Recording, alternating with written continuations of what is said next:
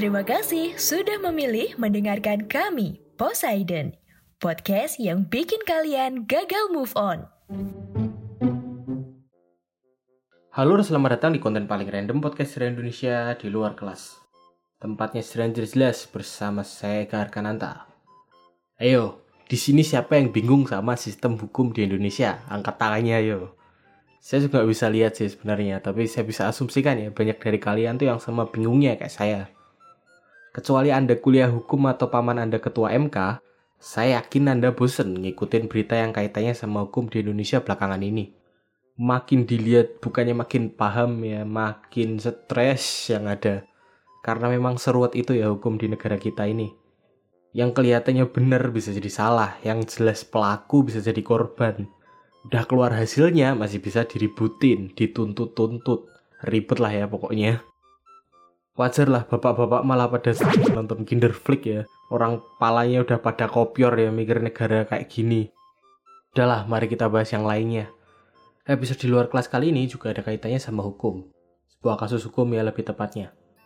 Kasus yang cukup lucu dan miris sebenarnya. Tapi tetap saja bisa jadi pembelajaran buat kita. Gak usah berlama-lama, mari kita bahas dari awal.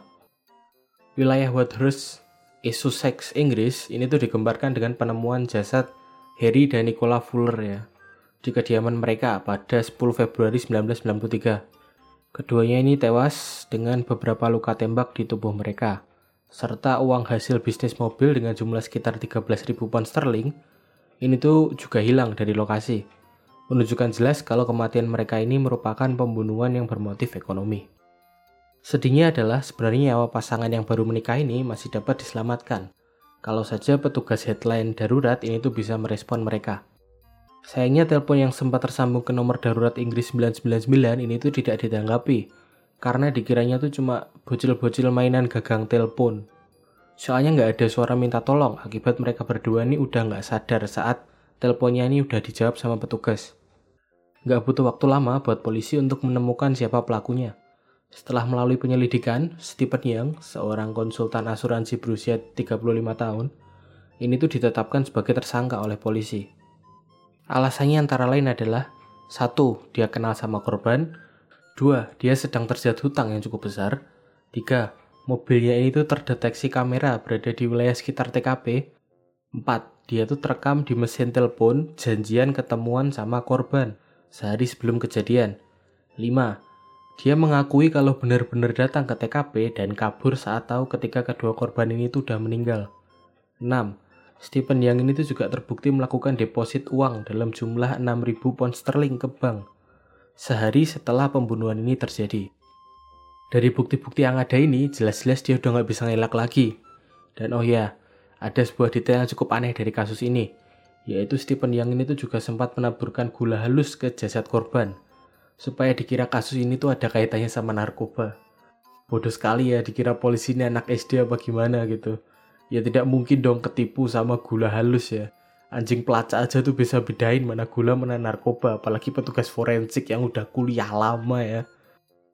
Oke, setelah tahu duduk perkaranya, marilah kita beralih ke bagian persidangan. Bagian terpenting dari pembahasan kita kali ini, sekaligus bagian yang paling wow.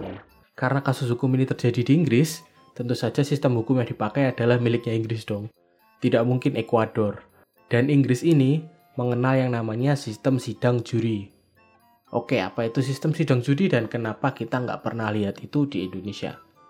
Sesuai namanya, sistem sidang juri adalah peradilan yang melibatkan juri ya sebagai penentu keputusan.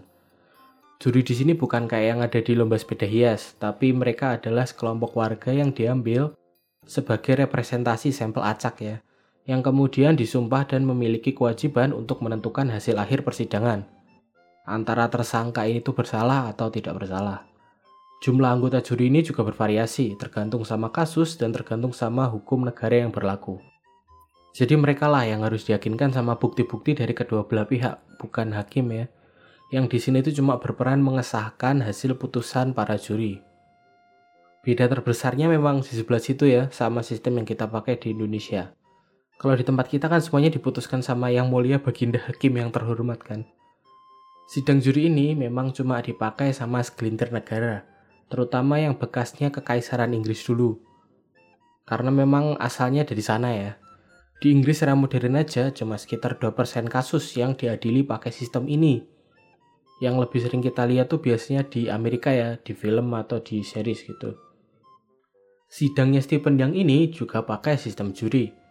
Sidang ini tuh berlangsung selama 5 minggu dengan 12 juri ini tuh kemudian memutuskan kalau tersangka Stephen Yang ini bersalah atas dua kasus pembunuhan dan dihukum dua kali penjara seumur hidup. Di luar negeri memang banyak yang kayak gini ya. Jadi dihukumnya tuh per kasus nggak satu gitu. Makanya bisa jadi di penjara tuh sampai lama banget kayak 120 tahun, ada yang sampai 200 tahun. Karena ya memang dihitungnya tuh kumulatif ya per kasus terus digabungin. Tapi bukan berarti terus mayatnya tuh disimpan di situ sampai hukumannya selesai. Cara ini tuh cuma buat nunjukin kalau pelaku ini tuh udah nggak punya kesempatan bebas aja seumur hidup mereka. Oke balik lagi ke kasusnya Stephen yang tadi. Putusan sidangnya ini udah keluar. Dia bersalah, selesai. Harusnya kan udah selesai di sini kan. Ternyata dar tidak dong. Sebulan kemudian muncul gede jadi headline utama di koran Inggris Empat juri dari kasusnya Stephen Yang ini terbukti melakukan aktivitas supranatural semalam sebelum memutuskan hasil sidang. Jadi gini, juri sidang yang terdiri dari 12 orang ini ditempatkan di sebuah hotel di dekat pengadilan ya, selama jalannya proses persidangan ini. Semalam sebelum sidang putusan, sidang akhir ya yang paling terakhir, ketika delapan anggota juri ini udah tidur, ada empat lainnya yang ternyata tuh masih bangun ya, masih melek mereka. Apa yang mereka lakukan? Mereka mabuk, mabuk, mabukan ketika besoknya tuh harus memutuskan nasib hukum seseorang. Saat mabuk inilah tercetuslah sebuah ide yang sangat brilian dari salah satu dari mereka. Daripada kita yang bingung nentuin nasibnya Stephen Yang, kenapa nggak langsung tanya aja ke korbannya? Saking mabuknya, mereka tuh mikirnya udah kayak anggotanya Scooby-Doo ya. Kemudian yang dilakukan empat orang mabuk ini adalah DIY ya, membuat papan Oija dari serbet kertas sama gelas bekas. Oija tuh papan yang dipakai buat manggil-manggil setan tuh ya kalau di luar negeri ya, biasanya di film-film kayak Insidious, terus ya kayak tadi di Scooby-Doo juga ada setara jelangkung lah, cuma minus batok kelapa sama bambu ya terus sama mantra. Mantra-mantra tidak jelas itu. Saat proses pemanggilan hantu inilah katanya Harry Fuller tuh datang salah satu korbannya dan minta buat Stephen yang ini tuh buat dihukum karena udah ngebunuh dia dan istrinya. Keesokan harinya waktu sarapan mereka tuh cerita ke juri-juri yang lain gitu. Ah, kita semalam manggil setan gitu dan terungkapnya hal ini tentu saja membuat keputusan sidang tuh jadi dipertanyakan gitu. Proses pengambilan keputusan beberapa juri kan jelas terganggu ya karena alkohol dan juga karena hal-hal mistis yang nggak bisa dipertanggungjawabkan. Akhirnya ya mau nggak mau harus dibatalin dan harus sidang ulang pakai juri yang baru. Tapi tetap aja sebenarnya hasilnya Stephen Yang tuh masih difonis bersalah ya karena memang buktinya udah terlalu kuat banget. Dan ya, pemerintah Inggris akhirnya cuma buang-buang duit karena ada masyarakat mereka yang mabuk dan malah manggil setan ke pengadilan. Gimana menurut kalian? Apakah hal mistis ini tuh perlu dilibatkan dalam sistem hukum? Apakah kesaksian orang kesurupan tuh bisa dihitung valid?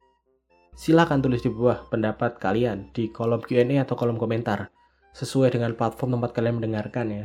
Terima kasih udah dengerin sampai habis. Kalau punya kritik, saran atau ada ide bahasan, silahkan dikirim ke Instagramnya Poseidon di @podcast underscore secara Indonesia atau ke Instagram pribadi saya di @rotikecap. Jika ada kesalahan, saya mohon maaf sebesar-besarnya. Saya Eka Harkananta pamit. Sampai bertemu di konten Poseidon yang lainnya. Bye-bye.